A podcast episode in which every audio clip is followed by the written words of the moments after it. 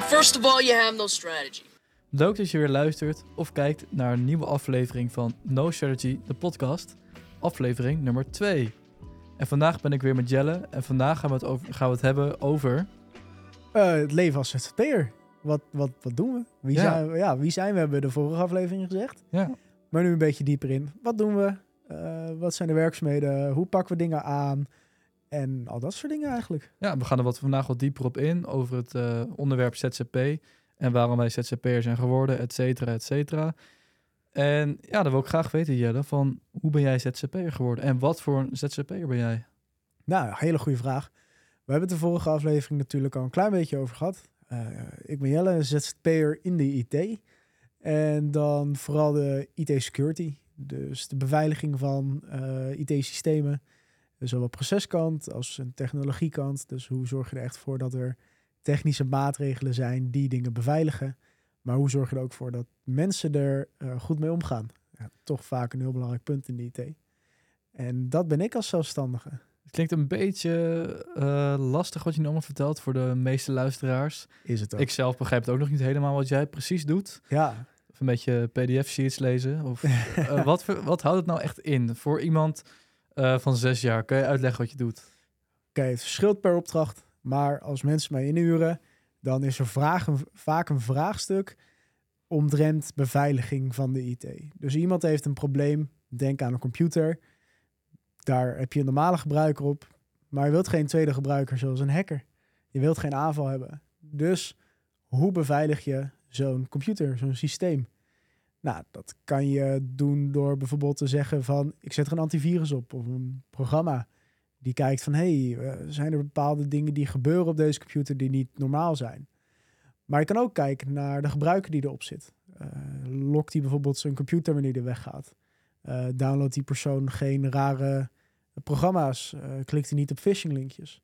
Dus ik kijk dan samen met mijn opdrachtgever naar zijn de, welke gaten zijn er, welke processen of technologieën moeten er ingeregeld worden om ervoor te zorgen dat dat systeem zo veilig mogelijk is. Want je probeert natuurlijk altijd ervoor te zorgen dat er geen onrechtmatig toegang tot een systeem komt, er geen data lekt of eh, ja, bedrijfsdata, persoonsgegevens. is toch allemaal heel, heel belangrijk om veilig te houden. En dat doe ik eigenlijk. Klinkt goed. En hoe lang doe je dat al? Eh, ik doe dat nu twee jaartjes, sinds Twee begin jaartjes. 2022. Of eh, begin 2020, midden 2020. Midden in de coronatijd. Precies, midden in de coronatijd begonnen. Ja. Ja. En jij, eh, Stijn, je hebt de vorige aflevering al een klein beetje benoemd. Je bent eh, in de creatieve branche. Maar leg even uit, hoe ziet een dag of jouw werkzaamheden eruit? Ja, in 2019 ben ik Stijn Visuals opgericht. En daarmee maak ik foto- en videoproducties. Echt verschillend voor welk bedrijf, wat dan ook. En ja, aan het begin is dat gekomen door een oud werkgever van mij. Waardoor ik eh, hun klanten mocht gebruiken om eh, mijn eerste maanden als ZZP'er mee eh, te vullen. Dus heb ik van hun een paar klanten overgeheveld gekregen waar ik ve- verder mee mocht. Dus ook persoonlijk als ZZP'er. En ja, zo ben ik zeg maar een beetje begonnen. Want ik begon eerst bij een marketingbureau in Amersfoort. Daar heb ik na mijn schooltijd heb ik daar een, ongeveer een half jaar gewerkt. Ehm, en uiteindelijk eh, ja, ging het niet meer heel goed met het bedrijf. En ja, waren er niet genoeg opdrachten meer. Dus eigenlijk eh, met elkaar besproken van misschien is het beter om elkaar, eh, ja, om elkaar verder in te huren. In plaats van dat je in dienst bent. En zo is dat eigenlijk eh, gekomen. En ben ik ehm, toen in begin 2019, eh, ja, ben ik gewoon begonnen met ZZP'en. Heb ik me ingeschreven bij de KVK. En toen had ik eigenlijk gelijk mijn eerste opdrachten al staan. Dus dat is meestal wel belangrijk als je start. Dat je toch gelijk al zicht hebt op iets. Precies. Dat je gelijk aan de slag kan. Dat je niet gelijk eh, ja, mensen moet contacten van... Yo, heb je iets nodig? Kan ik wat voor je doen? En eh, wat was je eerste opdracht die je had? Op mijn eerste opdracht was, eh, ik denk, was het voor een bedrijf waar mijn nicht werkt. Voor een farmaceutisch, farmaceutisch bedrijf. En ze hadden een soort van bedrijfsvideootje nodig en eh, portretten van alle medewerkers. Dus ja, dat zijn een hele leuke opdrachten om te doen. Dan ga je echt naar een bedrijf toe en dan maak je daar leuke shots. En dan eh, spreek je met de medewerkers en dan leg je ze uit hoe alles werkt en hoe ik te werk ga, wat ze kunnen verwachten. En ja, om ze gewoon een zo leuk mogelijke dag te beleven. Door leuke foto's te maken, leuke video's. Waar ze dan op het einde trots op kunnen zijn. Dat is uiteindelijk ook mijn doel. Ja, en is dat, is dat je gemiddelde opdracht dus gewoon naar een bedrijf toe gaan en daar dan eh, foto's en video's maken? Of is dit echt een, eh, de- een kwart van je werk? Wat voor, hoe ziet een andere Ja, het er verschilt een beetje. Het, eh, hebt opdrachten bij bedrijven, een bedrijfsvideo of bedrijfsportretten. En dan ga je echt langs het bedrijf om ja, iedereen vast te leggen op foto en video. En voor een website is dat dan meestal. Of op social media dan willen ze een voorstelronde doen. En wat ook wel vaak gebeurt is voor een bouwbedrijf of een architect. Nog wat meer in de architectuurfotografie. Heb ik ook best wel vaak gedaan.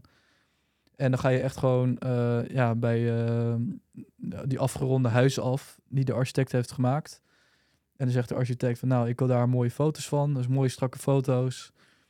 En desnoods eh, kom je een keer s'avonds terug om dat opnieuw op te nemen. Als de lampjes aanstaan, dan heb je een heel mooi effect.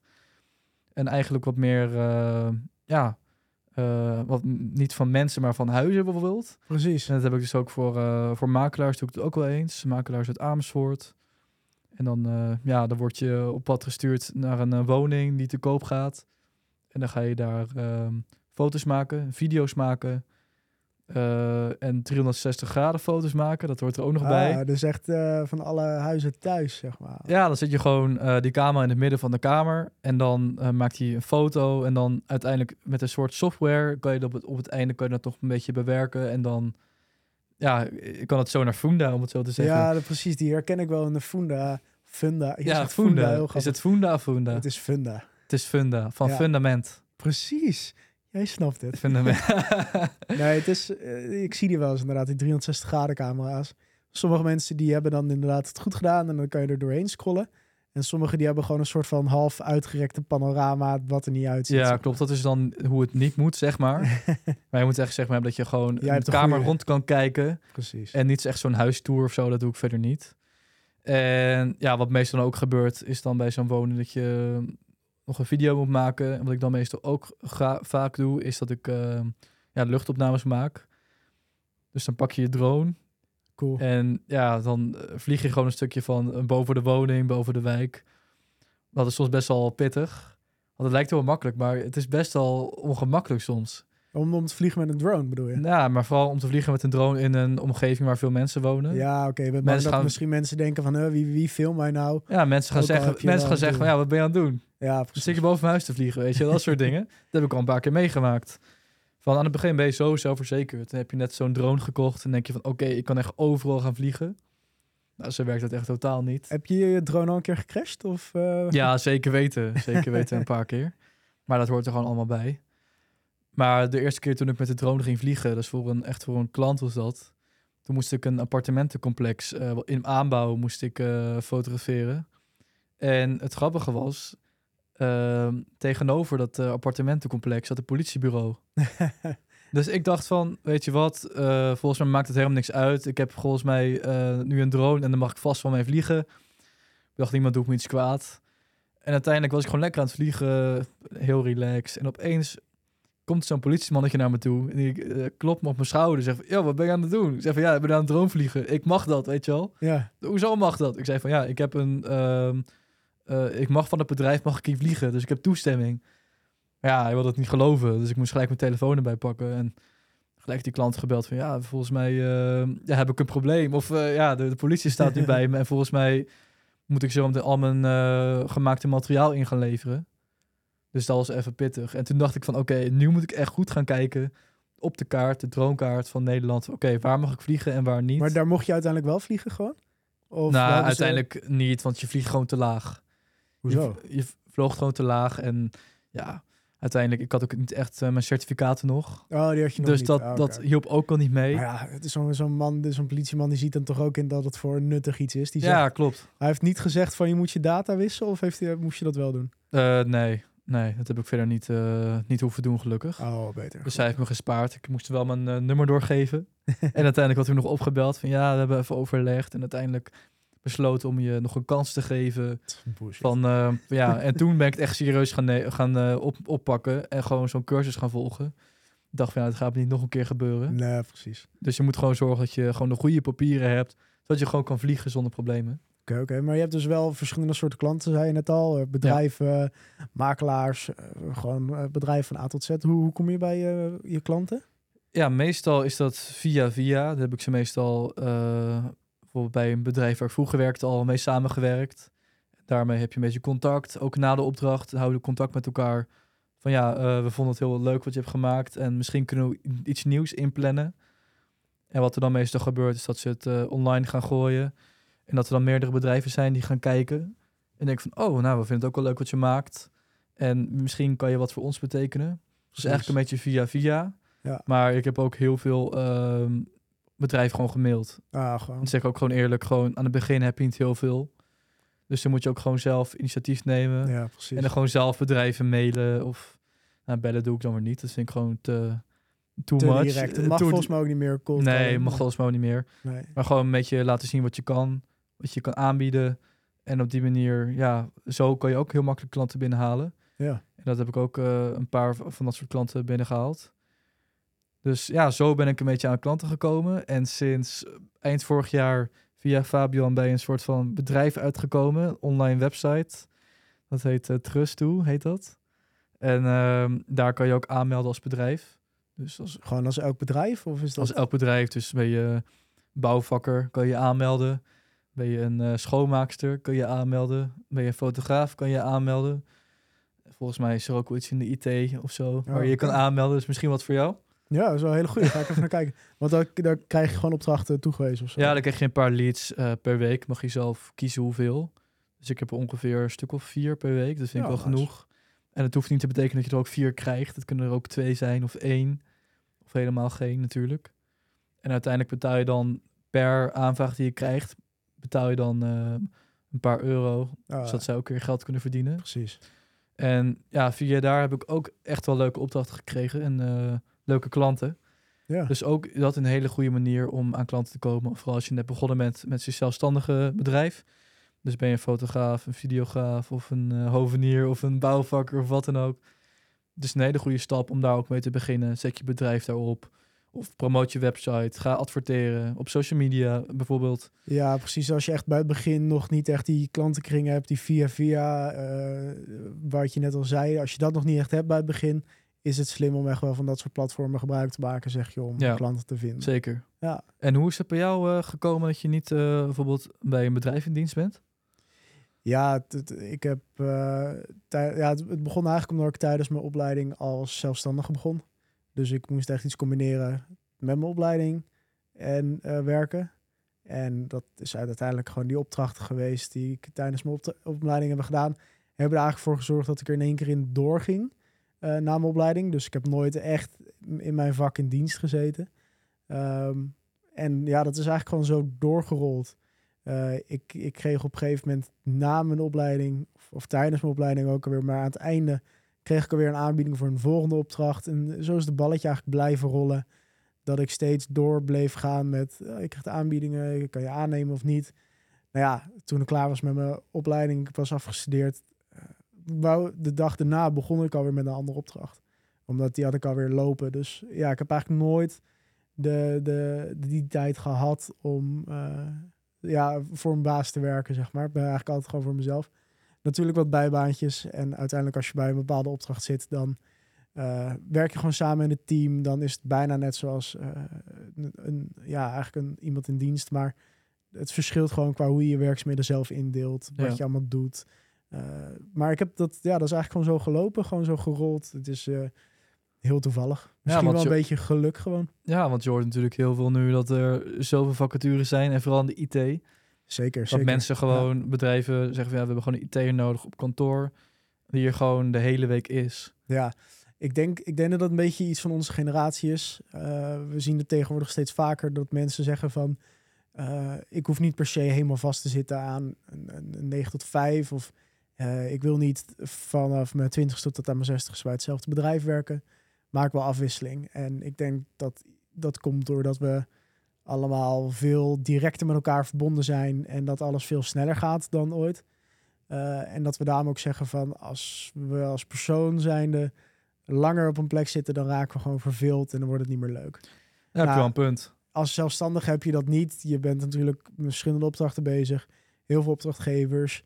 En daardoor is er zoveel afwisseling eh, dat het wel voor zorgt dat je steeds iets anders hebt. Eh, ik denk dat, dat heel veel mensen daar meer voor kiezen dan echt voor een vaste door die afwisseling, door eh, de constante verandering. Het levert er misschien een klein beetje onzekerheid op, maar het is wel heel tof. Ja. En dat, dat is denk ik de voornaamste reden daarom mensen niet in dienst zouden gaan. En je klasgenoten bijvoorbeeld, zijn die ook zelfstandig? eh, Ja, een paar, een paar zeker. Eh, ik weet van een paar van de MBO die zijn zelfstandigen, maar ook van mijn HBO. Ik werk eh, goed samen met eh, één klasgenoot. Daar werk ik echt direct goed samen mee, best wel vaak. Doen we opdrachten samen en of regelen opdrachten voor elkaar. Dus ja, zeker. Het is, met hem heb ik bijvoorbeeld ook een opdracht gedaan tijdens mijn opleiding. Is eigenlijk hetzelfde pad Ja. gelopen als ik. En dat is dan echt die kans krijgen om zelf te beginnen en die stap nemen heeft er voor ons beiden bijvoorbeeld voor gezorgd dat we het hebben gedaan en allebei zelfstandigen zijn. ja. En Ja. denk je wel eens terug van, nou had ik misschien beter in dienst kunnen gaan bijvoorbeeld? Of wat is nou echt een, een groot nadeel van het eh, zelfstandig IT-leven? Nou, er zijn er voor nu niet zo heel veel, maar bijvoorbeeld een nadeel wat ik nu wel merk is, ik ben 24, ik wil graag een keertje iets voor mezelf kopen. Een huis is veel lastiger te kopen, vooral een hypotheek krijgen als zelfstandige. Je Ja, moet een bepaalde lastig, eh track record hebben, zeg maar, qua je omzet. Eh, sommige banken zijn er heel moeilijk in en dan moet je heel veel jaren hebben. Sommige die doen het al wat sneller, gelukkig. Eh, maar dat maakt het voor een starter en dan voor een zelfstandige starter vaak heel moeilijk om iets te kopen. Nou, als je gewoon lekker in dienst zou hebben gezeten, dan was dat beter geweest. Ja. Dan kon je gewoon nou, een verklaring van je werkgever krijgen of een vast contract en dan kan je gelukkig iets krijgen. Maar ja, als zelfstandig heb je dan wel weer de voordelen dat je vaak net even wat meer verdient. Ja. daar leef je ook voor in hoor, met je uren. Eh, maar ja, dat is het enige nadeel wat ik tot nu toe heel erg eh, merk. Ja. ja, ander iets wat je wel merkt is dat je soms echt wel moet zoeken naar een opdracht. Nou, in mijn branche is dat niet heel moeilijk. Maar ja, want hoe kom jij aan opdrachten dan? Hoe regel je dat? Hetzelfde als jou, via Ja? via. Oké. Dus LinkedIn, connecties, maar ook tussen partijen. Dus bedrijven die, eh, die mij contacten, die zeggen, yo, ik heb een eh, opdracht voor je. Die zitten daar gewoon tussenin, die doen een bemiddeling en die pakken een percentage. Dus die bedrijven zijn er. Eh, die heb je nodig. Want ja, de- wat je zegt is zoveel aanvraag. Zij kunnen heel makkelijk filteren wat is goed voor jou. Maar dat zorgt er wel voor dat alles lekker smooth loopt. Ja. Nou, je hebt uiteindelijk het chiller, vind ik, als je gewoon het zelf direct regelt. Maar sommige bedrijven die hebben echt wel het beste voor je en die kunnen je dan heel goed koppelen. En eh, ja, dat, dat scheelt ook wel. Maar ik heb niet zo'n handig programma bijvoorbeeld als jij, dat je echt direct leads krijgt. Eh, het is wel echt gewoon je, de mensen moeten je kennen. Ja. Maar ja, een website, eh, een beetje reputatie bijvoorbeeld. Mensen moeten je naam kennen en dan komt het wel goed voor. Klinkt goed. En wat is nou echt het grootste voordeel wat je nu hebt gemerkt dat je toch niet in het loondienst bent gaan werken? Wat is, de, wat is nou echt het moment waarvan je dacht van nou, nu heb ik echt een goede keuze gemaakt? Want aan het begin is het soms best wel lastig. Dan denk je misschien van oké, waar ben ik aan begonnen? Ja, Is het al goed? En dan ga je twijfelen van Nee, Ja. het, is, het is vooral voor mij is het, eh, het plezier wat ik eruit haal. Ik heb nu verschillende opdrachtgevers en ik zei het zo net al een beetje die afwisseling. Eh, dat is voor mij wel echt het tofste. Je, je, je komt overal van een Zwolle tot aan een Rotterdam, eh, tot aan gewoon je eigen slaapkamer doe je Ja. opdrachten en dan zie je een bedrijf nooit. Heb ik ook. Eh, maar je ziet mensen, je leert mensen kennen en het is heel afwisselend en uitdagend. En vooral, ik zit dan in de IT, maar de security kant. Ja, dus weer een beetje niche erin, maar ook wel weer heel, eh, ja, heel breed ook weer qua security kant. Je kan alle kanten op. En dat maakt het leuk. Eh, je kan je zeggen van ik ga mezelf ergens in specialiseren.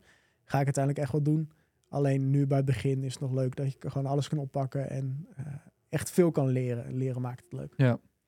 Ja, naast dat eh, wij ZZP'ers zijn, werken we ook heel veel samen met andere mensen, ook andere ZZP'ers. En dat is denk ik ook belangrijk om te doen als je ZZP'er bent, om een soort van kring om, je, om jezelf te maken van mensen die of hetzelfde kunnen, Precies. of zeker. misschien jou kunnen aanvullen met ehm, de opdrachten die je hebt. Ja, Om bijvoorbeeld, ehm, stel je voor, ik heb een klus voor een bedrijf en ik denk van oké, ik ga dat niet in mijn eentje redden. Of ik kan opeens niet meer. dan is het toch handig als je op bepaalde mensen kan bouwen. Die je kent in je omgeving, die misschien wel naar die opdracht kunnen. Zeker, zeker. Ja. En daarnaast ook ehm, van, ja, die je misschien mee kunnen helpen. Van oké, je kan dat niet alleen. Van ja, zou je misschien een paar uurtjes mee kunnen helpen? Dat je elkaar uit de brand helpt, zeg maar. Ja, dat, dat is het inderdaad. Ja, ik heb vaak mensen die, als ik een aanbod krijg en ik, ik kan het niet, dan wordt er vaak gevraagd, nou, ken je nog iemand? Ja, En op een gegeven moment bouw je inderdaad zo'n kring op die je dan zegt, nou, ik, ik kan niet, maar hey, yo, ik heb deze opdracht gekregen via die partij, yo, bel hem even, connect even en dan, eh, help je toch weer iemand aan de Ja. opdracht en eh, dat, is, dat moet je hebben, je moet elkaar helpen. En dat is, ja, mijn vak is dat wat minder. Misschien soms even wat, soms heb je opdrachten die je echt samen kan doen. Er zijn het wel echt grote opdrachten. Maar ja, je kan bijvoorbeeld echt zeggen van, nou, je doet een foto en ik huur iemand in voor de video bijvoorbeeld. Ja. Of andersom. ja, dat is wel handig inderdaad. Dat je gewoon, als je zo'n klus doet, inderdaad, dat je gewoon focussen kan op één ding. En die twee dingen tegelijk moet doen. Want meestal Precies. lever je dan niet 100% de goede kwaliteit. Nu je toch ja, twee dingen tegelijk moet gaan doen. En dat een beetje moet zien combineren. En meestal gaat dat niet helemaal eh, vlekkeloos. Maar daarom is het handig als je op elkaar kan bouwen. Als je Ja. een goede kring om je heen hebt. En eh, ja, daarnaast ook, ehm, ook een goede vriend van mij. Die eh, maakt animaties. En stel je voor, ik heb een logo-animatie nodig van een eh, bedrijfslogo. en ik kan ook gewoon zeggen van, heb jij misschien tijd om, dat, om daar iets leuks van te maken? Om de video net iets wat meer te geven? Dan kan dat het gewoon doen. Ja, Dat precies. is helemaal top. Hoef je niet een, een groot bedrijf in te huren of zelf, eh, ja, zelf wat te maken. En die groeit vanzelf, eh, zo'n kring, vind ik. Ik, Ja. ik. ik merkte dat er wel vaak bij opdrachten zitten er ook andere ZZP'ers. Nou, die leren we kennen, die connect Ja. je weer. En zo, zo groeit zo'n kring op een gegeven moment. heb je heel veel mensen die je kan contacten. Dus dat is wel heel chill. Ja. En wat is nou eh, tot nu toe... heb je misschien een fout gemaakt tijdens je ZZP-leven tot nu toe? Nee, tot, tot nu Of toe een niet. verkeerde keuze gemaakt of iets dergelijks? Nou, ik heb wel eens een keuze gemaakt dat ik eh, ja had gezegd op een opdracht. En eh daar reserveer je dan tijd voor. Dus dan zeg je van, nou, ik, ik wil deze opdracht. Eh, Zo'n tussenpartij gaat dan alles regelen en dan krijg je meer niks te horen. Na een week denk je toch van, nou, hè, waarom reageren ze niet op mailtjes? Wat is dit? En ik heb op een gegeven moment wel een keertje drie weken gewoon gewacht. En Mhm. uiteindelijk werd ik aan het lijntje gehouden en bleek dat die tussenpartij eh, heel moeilijk contact had met het bedrijf die de opdracht wou. En het was een Ameri- Amerikaans bedrijf met een Nederlandse afdeling. En dat bleek allemaal maar weer moeilijk te zijn. En dat is wel Ja. iets wat, wat, wat minder chill was gegaan op een gegeven moment. Dan reserveer je drie weken. Je, je, je zet jezelf niet beschikbaar voor die tijd. Eh, want ja, het zijn toch bepaalde uren die je reserveert. Eh, en dan zit je opeens zonder opdracht, omdat ze na drie weken zeggen: ja, er is geen contact meer. Of ze willen Ja. niet meer doorgaan. Ja, dat heb ik wel eens gehad. Maar ja, risico van het vak. Ja. Ja, dat moet je ermee eh, kunnen leven. En dat is het voordeel aan eh, de hoeveelheid aanvraag die er is. Je hebt gelukkig zo weer iets nieuws. Er komt altijd weer iets anders voorbij wat je, waar je op kan... eh, Maar ja, dat maakt het wel lastig. Soms. ja. En jij, heb jij fouten gemaakt naast je politieverhaal? Ja, dat was inderdaad een grote fout. Om het gewoon te onderschatten. Dat was puur onderschatting. Gewoon denk dat je het zelf wel kan. En uiteindelijk... of dat je het zelf wel weet hoe het moet. En uiteindelijk is er toch altijd iemand die het, eh, die het beter weet. Of dat je denkt van nou, ik had misschien beter kunnen voorbereiden. Misschien eventjes eh, van tevoren goed kunnen kijken. Oké, nou, eh, waar ben ik mee bezig? Wat moet ik doen? Dus ja, dat was inderdaad de grote fout van die drone, inderdaad. En ja, daarnaast ook inderdaad wat jij zegt, opdrachten die dan net niet doorgaan. ja. Of waar je van inderdaad hebt gereserveerd, tijd hebt gereserveerd van... Nee, helaas gaat het toch niet door. En dat je toch, toch rekening had gehouden van... Nou, waarschijnlijk gaat het wel door. En uiteindelijk zit je gewoon een paar weken te wachten... en dan hoor je last minute, oké, het gaat niet door. ja, precies. Dat is wel een flinke domper die je er soms wel krijgt. En ja, je, hebt, je hebt niet echt een fout gehad dat je bijvoorbeeld eh, de verkeerde gear had eh, voor een opdracht hebt of zo. Of- Ja, dat heb ik ook wel eens gehad. Dat je gewoon met een verkeerde lens mee- meegaat. Of dat je je lampen vergeet. Of iets dergelijks. En dat zijn gewoon fouten waar je gewoon van leert. Dat, Ja. dat gebeurt één keer. En daarna gebeurt het gewoon niet meer. en ja, wat je daarna ook, daarnaast ook hebt, is vooral in het begin dat je heel veel dingen eh, weer zo laag mogelijk aanbieden. Dus haast bijna gratis, gratis opdrachten doen. ja, precies. En dan doe je het meer uit liefdadigheid. Van oké, ik ben net gestart. Van ja, misschien kan ik voor jou iets, eh, iets betekenen. En desnoods doe ik het even gratis. En aan het begin is dat misschien ook oké om te doen. Maar dat heb ik eh, misschien wel vaker gedaan. En ja, uiteindelijk vind ik toch dat je uiteindelijk wel mag zeggen... oké, dit is mijn uurtarief, hier hou ik me aan. En uiteindelijk kan je steeds hoger gaan. Maar dat is in principe een van de dingen die ik het meest eh, fout heb gedaan. Dat ik gewoon te laag zat met mijn kosten, met mijn Ja. prijzen. En toch veel meer werk heb gedaan dan ik eigenlijk eh, voor ben ingehuurd. Dat je toch eh, langer aan het werk bent voor de... Ik word minder bedankt betaald natuurlijk. Ja, precies. Dus dat, dat is wel iets wat je één keer doet, denk ik. En dan, of te- dat, ja, vaak onderschat je het doordat een opdrachtgever het niet zo goed communiceert. Of Ja, eh, en bij denk het begin ik- is het misschien onwetendheid, maar daar leer je inderdaad eh, ja, wel van. ja, dat je gewoon eh, ja, de, de juiste, onjuiste informatie krijgt en je toch meer dingen moet gaan doen. Want, eh, hoe bepaal jij wanneer jij hoeveel je betaald krijgt? Eh, nou, wat ik nu meestal doe, is dat ik ehm, voor een bepaalde opdracht, ik ben nu al zo lang bezig, ik weet ongeveer wel hoe lang iets duurt. En aan de hand daarvan heb ik een soort van prijs gemaakt. En ik heb natuurlijk ook een uurtarief, die ga ik natuurlijk niet zeggen. En ja, eh, aan de hand daarvan eh, maak ik een prijs. En inderdaad de reiskosten, of nou, hoe lang duurt het om naartoe te rijden. En ja, ga ik met de auto of met het OV. En eh, daar, daarnaast eh, ga je ook kijken van nou, hoe lang ben ik bezig met het monteren. Want stel je voor, ja, monteren duurt het langst. Nou, dan eh, mag je heus wat meer optellen. Precies. En eh, ja, uiteindelijk nu je steeds beter wordt met alles, dan kan je ook steeds hoger gaan in je prijs. Ook als je nieuwe spullen koopt, dan moet je Ja. toch een beetje erbij blijven, want anders ga je alleen maar verlies maken. Ja, je moet op een gegeven moment gaan investeren. Vooral in- bij jou is het echt gear inderdaad. Bij mij is het vooral tijd. Eh, maar je kijkt op een gegeven moment denk ik van, nou, eh, hoe lang duurt iets dan? Dus de tijd die je ermee bezig bent. Wat zijn de kosten die ik maak ervoor tijdens een opdracht? Ja. Zowel je eh, tijdskosten misschien heb je, of je investeren van je gear. Maar dat, ja, ik herken het zelf ook wel. Als je op een gegeven moment kijkt naar hoeveel kost het om qua tijd te doen, qua uren. de gear die je erin stopt. Maar op een gegeven moment word je beter, dus je tijd wordt minder. Maar dan reken je alsnog voor je geleerde tijd. Dus de tijd die je ooit hebt gebruikt om te studeren Ja. bijvoorbeeld. En uiteindelijk inderdaad, je moet aan het begin gewoon heel veel investeren. Dat heb je denk ik ook wel gedaan toen je net begon. Misschien een goede laptop of een goede pc dat je ja, aanschaft. precies, dat sowieso. Ja, inderdaad gewoon eh, goede camera's aanschaffen, de goede lenzen, audioapparatuur. Natuurlijk mensen kunnen interviewen.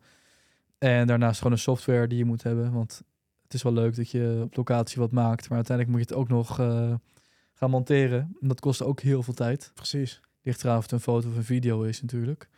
Maar aan de hand daarvan maak je gewoon een goede prijs. Dat je denkt van oké, hier kan ik mee verder. Dit kan de klant ook betalen. Je moet ook een beetje nadenken van oké. Hoeveel eh, Ja. kan iemand betalen? Werk je voor een particulier, voor een bedrijf? Dan moet je even aan de hand daarvan een beslissing maken van welke kant je op gaat qua prijs. En bij jou, hoe zit het dan eh, als jij lange opdrachten hebt? Want jij hebt meestal opdrachten die volgens mij wel een half jaar duren, toch? Ja, vaak als ik wat langer opdrachten heb, dus echt projecten zoals ik het eigenlijk wel noem, eh, is het gewoon een uurloon. Dus dan kijk ik van eh, hoeveel uur ben ik er per week mee bezig. Nou, mocht het eh 20 uur per week zijn, dan zeg ik, nou, ik vraag zoveel per uur.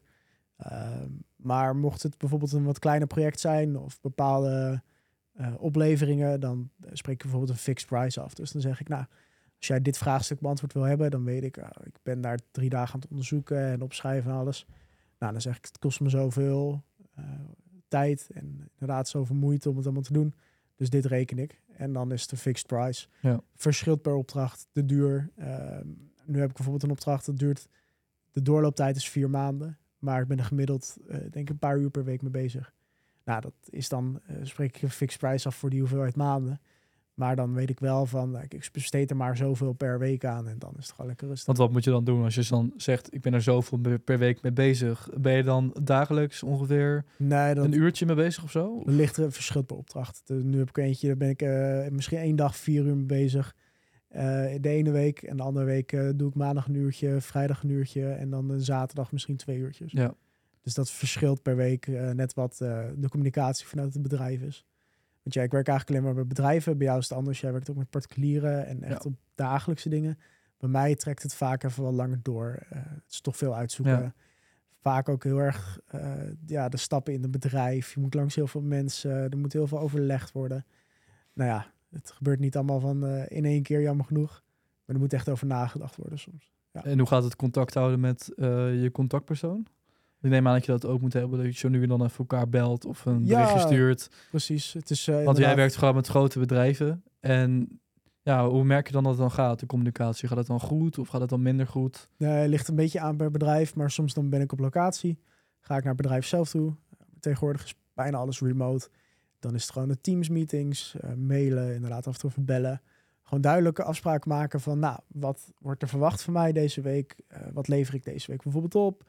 Ehm, en waarbij moet ik aanwezig zijn? Wat voor meetings heb ik? En het is gewoon een kwestie van plannen en duidelijk communiceren. Dat is vooral het belangrijkste idee. Zorg dat iedereen op één lijn is, zodat je echt weet van, nou, eh, jij verwacht dit van mij. Ik verwacht inderdaad ook dat ik dat kan doen. Ja. Dus dit spreken we af. Ja. Als jij opeens random dingen gaat doen uit jezelf, of zij verwachten eh, veel meer dan dat ze communiceren. Ja, ik kan dat niet ruiken. Dus dan Nee. is die communicatie is echt belangrijk. Dan moet je gewoon haast op kantoor zijn bij hun, om dat een beetje... Nou ja, precies. Dat is vaak het makkelijke aan op kantoor zijn. Eh, je spreekt iemand even makkelijk aan. Je tikt Ja. even iemand op de schouder. Of je hebt een vergadering eh te plekken en iedereen spreekt net even wat makkelijker dan via een Teams meeting. Ja. En dat maakt het eh, wel heel makkelijk dan. Ja. Ja. Dus het verschilt per opdracht. Maar eh, vaak is de communicatie echt belangrijk. Mail, eh, Teams, fysiek. En wat kan je de mensen, luisteraars meegeven van als je ZZP'er wil worden of je wil voor jezelf starten? Van heb je een tip of misschien iets waar je over na moet denken? Wil je zoiets starten? Nou, ma- maak vooral heel duidelijk eerst bij het begin van eh, wat wil je gaan doen. Eh, als jij zelfstandig wilt zijn in foto en videografie, wat wil je gaan doen voor foto en videografie? Wil je het heel breed aanpakken zoals jij? Eh, of wil je een niche pakken, dus alleen maar huisfotografie? Of bij mij in de IT, wil je in de beveiliging of wil je in beheer of netwerk? Kan heel anders. Maar kijk ook vooral hoe jij ervoor zorgt dat je anders bent dan de andere ZZP'er die in de lijn staat. Uh, dus uh, zorg ervoor dat jij door bijvoorbeeld een certificaat jezelf kan onderscheiden. Of zorg ervoor dat jij door je gear of net je creatieve inkijkhoek net even de betere foto's kan maken. Ja. ja het, wees, wees uniek. Uh, wees ook jezelf. En doe het gewoon, zou ik zeggen. neem een keer die stap. Vooral als je jong bent, zoals wij. je hebt niet zo heel veel te vrezen. doe het. Zorg ervoor dat Daarom. je een duidelijke backuplan hebt altijd. Zorg ervoor dat je over dingen nadenkt. Ja, en doe het gewoon. Ja. Soms hoef je niet helemaal alles helemaal uitgedacht te hebben. Maar wees wel op dingen voorbereid en zeker van wat je doet. Ja, en jij hebt hier nog tips? Maak inderdaad een goed, uh, goed plan, inderdaad. Een goed bedrijfsplan. Volgens mij moet het volgens mij ook als je bij de KVK... Nee, uh, ik heb het wel moeten doen, volgens nee, mij. Oh, ik niet. Dat je echt gewoon... Uh, 50 euro betaalt meer niet. Ja, dat, dat ook. Dat hoort er ook bij natuurlijk. En gewoon dat je een bedrijfsplan maakt van... Nou, wat, wat zijn mijn werkzaamheden... En hoeveel omzet verwacht ik uh, te maken in een jaar? Dat moest ik allemaal opschrijven. Echt? Ja, dat moest ik allemaal doen. Oh ja, ik niet. Nee? Nee. Nou, dat is wel heel makkelijk om een uh, IT'er te worden dus. Ja? Ja, bij mij willen ze echt weten van... Oké, okay, wat uh, ga je doen? En ja, wat eh, zijn je specialiteiten? En ja, het is gewoon inderdaad wat jij ook zegt. Het is gewoon goed om te weten wat je... Gewoon jezelf moet zijn met je bedrijf. En dat je gewoon voor gaat. En uiteindelijk merk je wel of dat voor je is. Precies. En je bent nooit te oud om het te, doen.